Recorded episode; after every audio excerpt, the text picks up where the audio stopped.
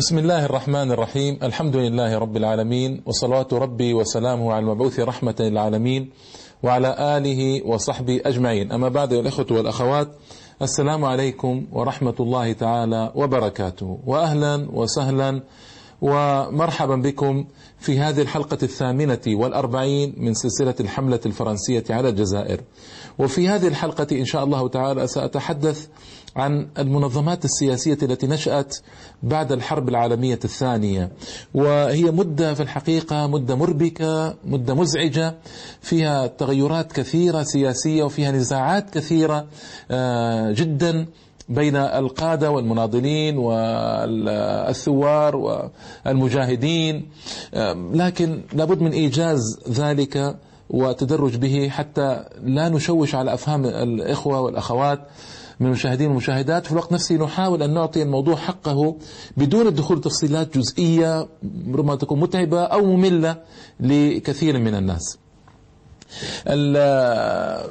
فرحات عباس خرج من السجن في إبريل سنة 1946 كما ذكرت سابقا أسس الاتحاد الديمقراطي للبيان الجزائري. طبعا هذا يعني يتكئ على قضية بيان قدمه في سنة 1942 لفرنسا ونسخه منه الحلفاء وكون أحباب منظمة اسمها أحباب البيان ثم سجن ثم خرج الآن كون منظمة اسمها الاتحاد الديمقراطي للبيان.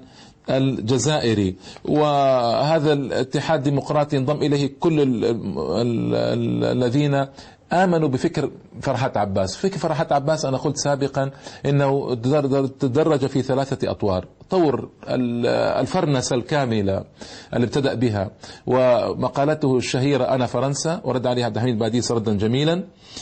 ثم الطور الآخر الثاني الذي ينادي إلى نوع من المطالب الوسطى كان صح التعبير التي هي أقرب للاندماج منها إلى الاستقلال عن فرنسا والطور الثالث الثور العسكري الثوري بعد 1956 آه، بعد الثورة بقرابة ثلاث سنوات انضم إلى الثورة بعد ذلك.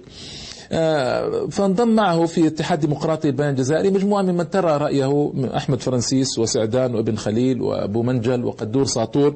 آه، وأصدر فرحات عباس بيانا ندت فيه بالمجازر الهائلة التي جرت في 8 مايو 1945 والمجازر أدت إلى تدمير 41 قرية عن بكرة أبيها ومحوها من الوجود ومقتل قرابة سبعين ألف. وتحدث عنها في حلقة سابقة. وطبعا البرنامج أكد على أنه لا برنامج الحزبي هذا الجديد أنه يعمل على تحقيق المساواة ويرفض الاندماج والانفصال عن فرنسا. يرفض اندماج ويرفض انفصال يعني حالة وسطى. آه ذلك أن الشعب الجزائري في نظره حديث النشأة بالديمقراطية والعلوم والصناعة يشترك مع أمة كبيرة حرة ويحتك بديمقراطية فرنسية عريقة. هذه الأخطاء لفرحات عباس أخطاء كبيرة في الحقيقة. آه أي ديمقراطية عريقة للشعب الفرنسي هذا الذي أذاق ذاقت الناس الويلات في الهند الصينية يعني فيتنام آه، وفي المكسيك في أمريكا الجنوبية في إفريقيا في أماكن كثيرة أذاقت الناس الويلات الديمقراطية العريقة. لكن كما قلت لكم رجل مشوش فكريا كان إلى حد كبير. آه، يعني وأيضا كان ليلة اندلاع الثورة التحريرية في نوفمبر 1954 قد صرح بقول عن الثورة سيء جدا قال إنها اليأس والفوضى والمغامرة. طبعا هذه تطعن كثيرا في الثورة الجزائرية آنذاك كانت محتاجة لتأييد الوطنيين الجزائريين قبل غيرهم. آه، وطبعا هو هنا آه، كان يؤمن بأن جبهة التحرير الوطني بعد ذلك لن تصمد أمام الفرنسيين وأن آه، العنف الثوري هذا ربما يفتح طريقا له للتفاوض مع فرنسا وهو مناهض كتب أن العنف لا يساوي شيئا كتب إلى فرنسا أن العنف لا يساوي شيئا وهو مناهض للكفاح المسلح واقترح على الفرنسيين العودة إلى احترام التمثيل النسبي والعودة للنظام البرلماني النيابي الحر إلى آخره. آه، لكن في النهاية حتى أنه أيد سياسة سوستال الإصلاحية ستأتي في 1955 ودخل معه مفاوضات وسط ممثلي أحمد فرانسيس هذه هذه تنقلات راحت عباس قبل انضمامه إلى الثورة آه، وقصصه طويلة. آه، طبعا نحن عندنا مصالي الحاج وسآتي على ترجمتي في الحلقة القادمة إن شاء الله تعالى. أسس حركة انتصار الانتصار للحريات الديمقراطية. نحن نعلم أن مصالي الحاج أنشأ حزب نجم شمال إفريقيا وكان مهتم بالمغرب العربي كله أنا أعيد بعض المعلومات تذكيرا لإخواني وأخواتي الذين ربما لم يشاهدوا حلقات التي قبل هذه أو ربما تشوشوا من كثرة المعلومات. مصالي الحاج أبو الأب الحقيقي للثورة الجزائرية الأب الحقيقي لكل المناضلين الجزائريين في الحقيقة. ولما أتي ترجمتي سأتحدث عنه بالتفصيل في حلقة منفصلة أنه يستحق ذلك إن شاء الله تعالى. آه، وهو الذي أسس حزب نجم شمال إفريقيا ثم حزب نجم شمال إفريقيا المجيد آه، الذي حل سنة 1937 وسجن الرجل آه، مرات وكرات وسآتي على ذلك لما خرج من السجن في 1945 بعد نهاية الحرب العالمية الثانية وبعد مجازر التي جرت من الفرنسيين في 8 مايو أخرج من السجن في أكتوبر 1946 آه، عقدوا اجتماعا في ديسمبر 46 آه، مصاي الحاج وحزب الشعب الجزائري. حزب الشعب الجزائري والذي حل محل نجم شمال إفريقيا الذي حل رسميا في 1939 وأدخل مصاي الحاج السجن. حزب الشعب الجزائري حل نعم علنيا لكنه استمر في نشاطه. لكن بصورة خافتة لأن لأن زعيمه في السجن والأوضاع غير واضحة فحل الحزب نعم لكنه بقي في السر. يعمل لكن بصورة هادئة. اجتمع بحزبه المصالي الحاج وقرروا الإبقاء على حزب الشعب في السر وإنشاء حزب آخر في العلن اسمه حزب الانتصار للحريات الديمقراطية. ماذا كانوا يحاولون؟ ماذا بيدهم؟ يحاولون قدر إمكانهم أن يخرجوا بقضية الجزائر إلى العالم. يحاولون أن يحققوا مكاسب قدر الإمكان لقضية جزائرية المهضومة داخليا وخارجيا. يعني يحاولون ويجتهدون آه، رحمة الله تعالى عليه وعليهم. المهم هذا الذي جرى آه، وفعلا وافقوا على إعادة العمل السياسي تحت عنوان العلني يعني تحت عنوان حركة الانتصار للحريات الديمقراطية مع الحفاظ على حزب الشعب كحزب سياسي سري نشيط. آه، الحركة توجهت توجها جديدا اعتمد أسلوب المهادنة قليلا مع السياسة الاستخرابية الفرنسية. آه، دعا مصاي الحاج إلى ضرورة المشاركة في الانتخابات وفكرة ضرورة النضال الشرعي مما أدى إلى وجود جناح رافض ابتداء وجود جناح رافض لمسايرة السياسة الاستخرابية الفرنسية وأنشأ بعد ذلك المنظمة الخاصة تتحدث عنها إن شاء الله تعالى بعد آه، الحلقة القادمة. آه، الخاصة. وبرنامج الحركة نفسه برنامج حزب الشعب آه، يدعو إلى إلغاء نظام الاستخرابي إقامة نظام وسيادة وطنية إجراء انتخابات عامة دون تمييز عرقي ولا ديني إقامة جمهورية جزائرية مستقلة آه، ترتبط بفرنسا بنوع من الارتباط مقترح يعني بعد ذلك آه، وكانت الحركة قد انتشرت أيضا لقد قبول في عامة القطر الجزائري. الحركة هذه عملت مؤتمرا ثانيا في سنة 1953 شهر إبريل. آه، هنا حصل نزاع كبير بين مصالي الحاج رئيس الحركة طبعا هو رئيس حزب الشعب وهو رئيس حركة انتصار حريات الديمقراطية. قلت لكم هو أبو أبو كل هذه الأحزاب التي ظهرت آه، الوطنية الإسلامية. حصل نزاع كبير بين اللجنة المركزية تدير الحزب وبين رئيسه مصالي الحاج. حتى سميت بعد ذلك هذه النزاعات نزاعات بين المصاليين والمركزيين المصاليين والمركزيين. واتخذ أعضاء هنا المنظمه الخاصة ابتدأت بالظهور وسآتي عليها إن شاء الله. واتخذوا موقفا معارضا للنزاع واكدوا وحدة الحركة. هنا حاول حاولوا أن يعزلوا مصالي الحاج عن رئاسة الحزب أو أن يقلصوا صلاحياته بحجة أن مصالي الحاج رجل غير ديمقراطي رجل يريد فرض رأيه بقوة على آه، الحزب حزب انتصار الحريات الديمقراطية. وصار صار نوع كبير من الإشكالات آه، الموجودة أو المشكلات الموجودة في داخل الحزب. آه، وطبعا هنا كان مصاي الحاج يلح على على منح السلطات الكاملة داخل الحزب. أنا أعتقد أن هذا بسبب شيء سآتي على ترجمته إن شاء الله في مصاي الحاج أن مصاي الحاج كان يتخوف من آه، التوجهات اليسارية التي ابتدأت تدخل في حزب الشعب توجهات كثيرة وكثيرة جدا سآتي عليها الآن إن شاء الله تعالى. آه، لكن آه، فعلا اتخذوا قرارا المؤتمر هذا سنه 1953 اتخذ قرارا بتقليص صلاحيات رئيس الحركة بن صالح الحاج وإبعاد أهم مساعدين اثنين من عضوية المكتب السياسي مساعدين لمصالح الحاج وانتخاب يوسف بن خدة أمين عام للحركة. وأيضا وهنا مصالح الحاج رفض قرارات المؤتمر. وطبعا أرسل رسالة بنزع الثقة من اللجنة المركزية واشتد الصراع بين المركزيين والمصاليين. وهذا أدى إلى ظهور حركة جديدة اسمها اللجنة الثورية للوحدة. والعمل سأتحدث عنها إن شاء الله تعالى. حاول الإصلاح بين المصاليين والمركزيين في بلجيكا في 1954 قبل الثورة لكن أسف ما صار شيء في هذا الأمر هذا الباب.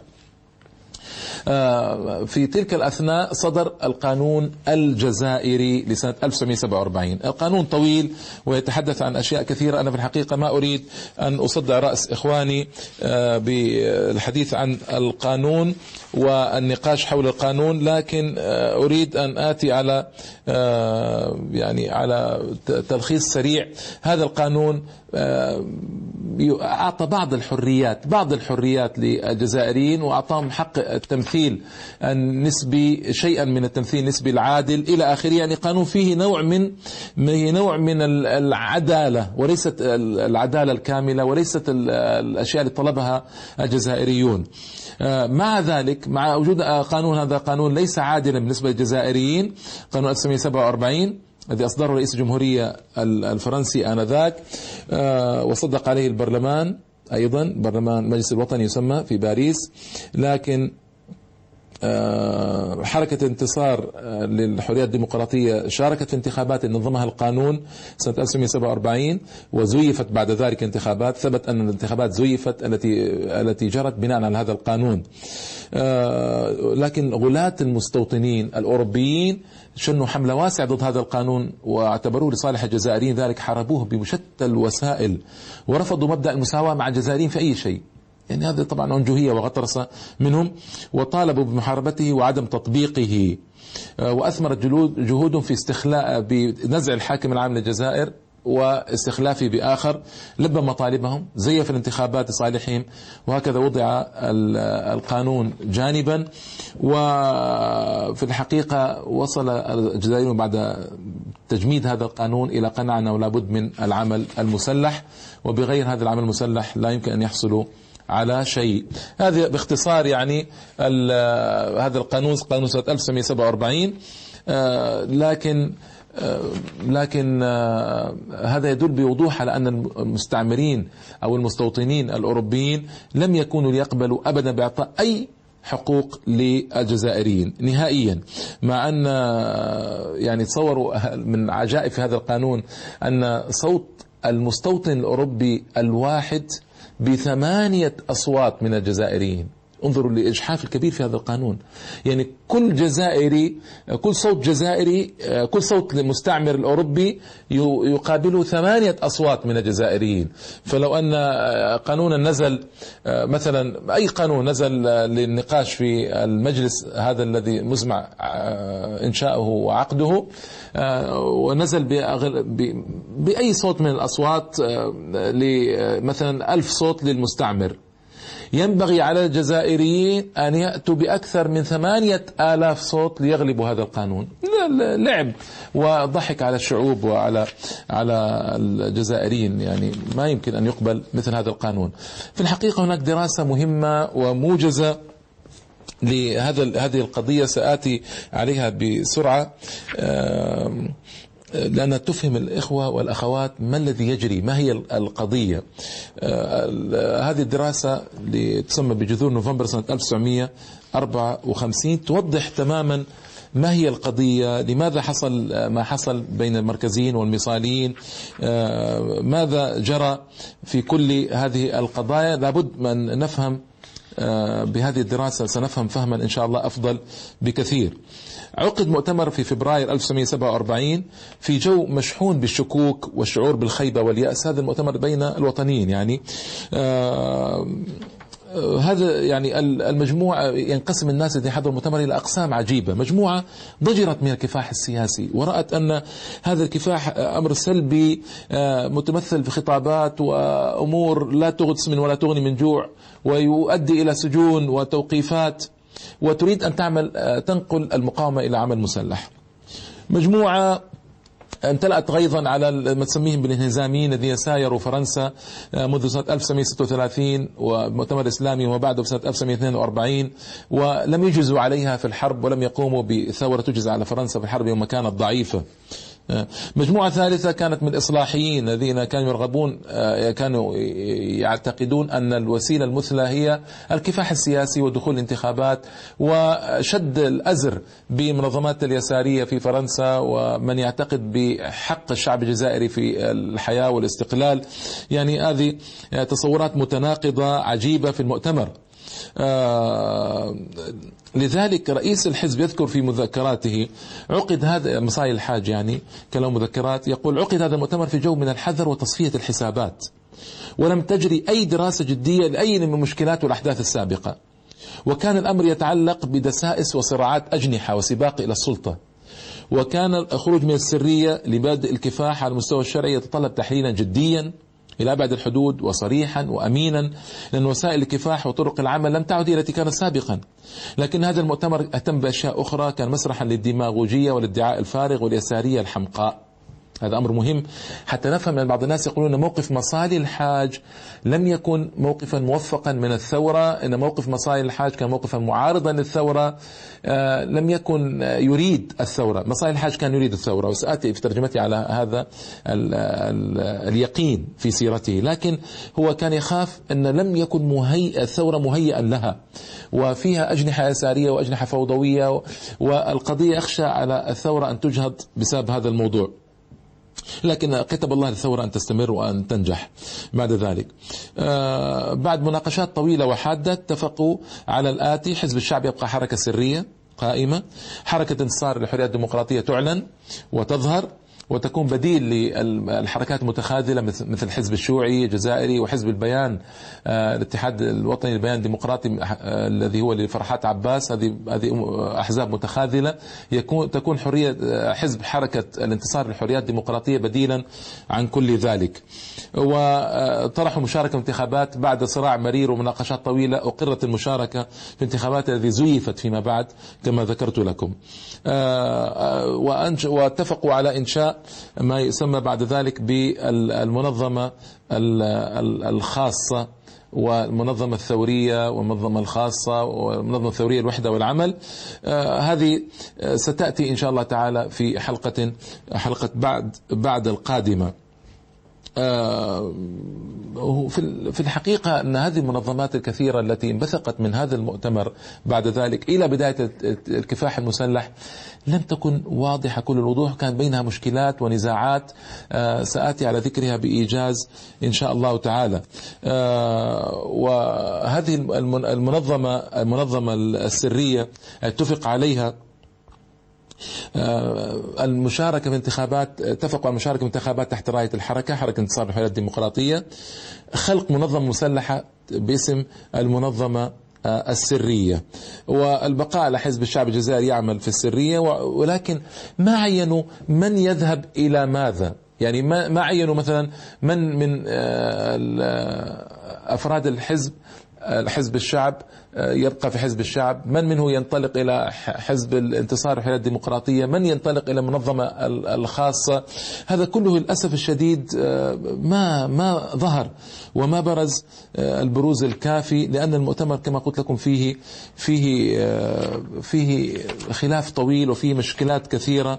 وكبيرة هنا كلام للأستاذ مصطفى هشماوي في كتاب جذور نوفمبر سنة 1954 مهم جدا. يقول آه، حزب الشعب آه، أقبل عليه ناس كثيرون جدا. ومن الكفاءات المهمة مهندسون آه، طلاب أساتذة جامعيون أطباء. لكن يقول هذا الإقبال للأسف الشديد كان يفترض من أن يقوي الحزب لكنه لم يزده قوة بل زاده حيرة وتذبذبا. لم تصبح له خطة خاصة كثرت الآراء تنوعت الاتجاهات كان أشدها على الحزب المداب بالثورة أو سلوك الطريق الطرق التقليدية السابقة من مظاهرات واحتجاجات. آه، اسمعوا الكلام المهم الذي قاله هنا الأستاذ مصطفى هشماوي ذكر كلاما مهما جدا حتى نفهم ماذا يجري آه، في قضية الثورة وقضية العمل الثوري. قال آه، هناك اتجاه داعي إلى الجزائر جزائرية. في داخل الحزب آنذاك. هناك اتجاه يدعو إلى الجزائر جزء من العالم العربي والإسلامي وعلى رأس مصاي الحاج طبعا الذي كان عروبيا إسلاميا واضحا في إسلامه وعروبته هناك اتجاه يعني يدعو إلى انكفاء الجزائريين على الجزائر وأن لا علاقة بالعرب ولا بالإسلام. تزعم هذا الاتجاه آه، جماعة آه، منهم آه، رجل اسمه بناي وعلي. هذا بناي وعلي كان من خصوم الشرسين لكل ما هو عربي وإسلامي. فعندما طرح مصالي الحاج آه، قضية أن عزام باشا عبد الرحمن عزام باشا رئيس الجامعة العربية آنذاك آه، قال له بأن على الجزائريين أو قال بأن على الجزائريين أن يوضحوا مشكلتهم للعالم. مشكلتهم ما زالت غير معروفة. عرفوا بها إذا أردتم أن تخرجوا من الحوار الشاق مع فرنسا وتدوير قضيتكم. دعوا الرأي العام العالمي يقف بجانبكم. وهنا هذا مصاي الحاج أعجب بهذه الفكرة وأراد تطبيقها. آه، لكن كان هذا بناي وعلي من الخصوم الشرسين لكل ما هو عربي وإسلامي فنطق بسخرية واستهزاء دعنا من العرب المخربين انظروا البذور بذور انفصام الثورة عن إسلامها وعروبتها. هنا يبدأ بذورة هنا. في الاجتماعات الأولى في أواخر أو أواخر الأربعينات الميلادية. وانفجرت جماعة بضحك ساخر آه، بسبب هذا لكن رئيس الحزب المتحمس للعروبة والإسلام مصاي الحاج أصر على ذلك أصر على التعريف بقضيته. هنا أمر مهم أنا في الحقيقة أطلب أن نفهم به توجه مصاي الحاج. مصاي الحاج قام بعدة اتصالات. وقدم طلب المساعدة للقيام بكفاح مسلح ضد المحتل لكنه لم يلقى التأييد. آه، غير أنه حسب ما ذكر محمد حربي أحد المؤرخين الجزائريين قال أنه وجد تجاوبا من العاهل السعودي في ذلك الوقت الملك عبد العزيز. هو يقول أن مصاي الحاج وجد تجاوب من الملك عبد العزيز كما أيد فكرة عبد الرحمن عزام أمين الجامعة العربية. أراد من مصالح أن يبلور الفكرة ويجعلها عملية فإن اتصل باري من باريس بيوسف بن خدة وطلب منه تحضير مجموعة من الشبان للذهاب إلى القاهرة تلقي تدريبات عسكرية في القاهرة وتحضر نفسها اليوم الموعود ما ندري ماذا جرى في هذا. مصطفى هشماوي يقول لا نعرف ماذا جرى آه، في هذه القضية هل آه، اكتملت ما اكتملت ماذا جرى لهذه الفكرة. قال الموضوع هذا لا يعني آه، يكتنفه الغموض من جهاته وما وجد ما وجد فيه ذلك مفاتيح لماذا جرى بعد ذلك. آه، أيضا رئيس الحزب مصالي وجه وفدا إلى تونس للاتصال بحزب الدستور وكان يتكون الوفد من أحمد بن بله ودردور واتصل الوفد بصالح بن يوسف رفض صالح بن يوسف العرض وصف إياه بالعمل الصبياني البدء العمل العسكري. وبنفس الوقت توجه وفد إلى المغرب للاتصال بحزب الاستقلال. وكان وفد يضم شرشالي ومحمد خيضر. أجاب علال الفاسي بشيء من الأدب واللباقة. شارحا وجهة نظري بأن المغاربة يلعبون على ورقة السلطان محمد الخامس الذي أصبح يجسد الشرعية الدولية وبه يصلون إلى تحقيق رغبات شعب شعبهم. يعني باختصار أنه لم يست لن يستطيعوا أن يشاركوا في قضية العمل المسلح. إذا الحقيقة أن مصالي الحاج كان يرى العمل المسلح آه، والكفاح المسلح. وفعل يعني فعل ذلك بأن وجه وفدا إلى تونس وجه وفدا إلى المغرب وجه, وجه تعليمات يوسف بن خد الأمين عام بعد ذلك للحركة بأن يرسل شبان لتدريب في القاهرة عمل مسلح هذا واضح إذا اتجاه مصالي للعمل المسلح. ليس كما يقول أعداؤه ومنابذوه بعد ذلك بأن بأنه لا يرى فكرة العمل المسلح. لكن أنا تقديري والله أعلم أن مصالي لم يطمئن لم يطمئن إلى الاتجاهات الثورية الجديدة في حزبه وخاف من التوجهات المضادة للعروبه والإسلام، خاف من عدم الإعداد للثورة إعدادا كافيا حتى لا تجهض من أول ظهورها، خاف من عدة عوامل جعلته يتلكأ عن العمل المسلح آه، أو الموافقة على العمل المسلح. آه، في البداية في بداية الثورة بعد ذلك ووقف موقفا ضد العمل المسلح. يبدو أن هذا هو السبب وإلا فهو ممن توجه إلى الكفاح بالسلاح وكان هذا واضحا في حياته في عدة نقاط. كما ذكرت هنا بكل وضوح ذكرها الأستاذ مصطفى هشماوي آه، في هذه القضية. وحتى أنه هو يعني في المؤتمر هذا وافق على إنشاء المنظمة الخاصة السرية التي تتحمل أعباء العمل العسكري مسلح. فمن الظلم اذا لمصالي في الحقيقة أن يقال إنه كان ضد هذا العمل وأنه كان لا يرى هذا العمل. هذا من الظلم الكبير لمصالي. هنا يعني قضية يكفي في هذه القضية قضية آه، الأحزاب السياسية التي تكونت آه، بعد الحرب العالمية الثانية. وسآتي في الحلقة القادمة على ترجمة مصالي الحاج ترجمة مطولة نوعا ما ومذكرات الأستاذ توفيق الشاوي في نصرة مصالح الحاج وبيان اتجاهه الإسلامي الواضح ونقاط رائعة أتى بها الأستاذ توفيق الشاوي في الحقيقة في مذكراته نصف قرن من عمل آه، الإسلام آه، العمل الإسلامي. آه، اجتمع بمصالح الحاج مرات كثيرة وذكر له مصالي أسرارا سأذكرها في الحلقة القادمة رائعة وجميلة تبين الاتجاه الحقيقي لمصائل الحاج رحمة الله تعالى عليه. وبعد الحلقة القادمة سآتي على حلقة أذكر فيها بداية التحضير للعمل المسلح والكفاح المسلح الذي انتهى كل ذلك إلى إعلان الثورة سنة 1954 آه، بهذا تتضح الصورة الكاملة لما قبل ثورة 1954 وفي الثورة كلام طويل ورائع وجميل وبيان لتضحيات جزائرية جليلة جدا قام بها هذا الشعب الرائع الجليل. آه، ولم يكن آه، أشد المتفائلين تفاؤلا يصدق بأن الثورة ستنجح وستقوم. حتى مصالح الحاج كان يظن آه، أن الثورة غير مهيئة للاستمرار. كثير من الزعماء كان يظن أن الثورة غير مهيئة للاستمرار لكن سبحان الله العظيم الثورة أراد الله سبحانه وتعالى أن تستمر لمدة سبع سنوات ونصف وتقوى وتشتد وينشأ بعد ذلك استقلال تام رائع للجزائر وينشد أو ينشد الشعب الجزائري في الشوارع يوم الاستقلال. يا محمد مبروك عليك. هي الجزائر رجعت ليك.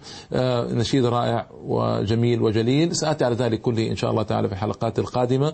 آه، إلى اللقاء أيها الإخوة والأخوات. والسلام عليكم ورحمة الله تعالى وبركاته.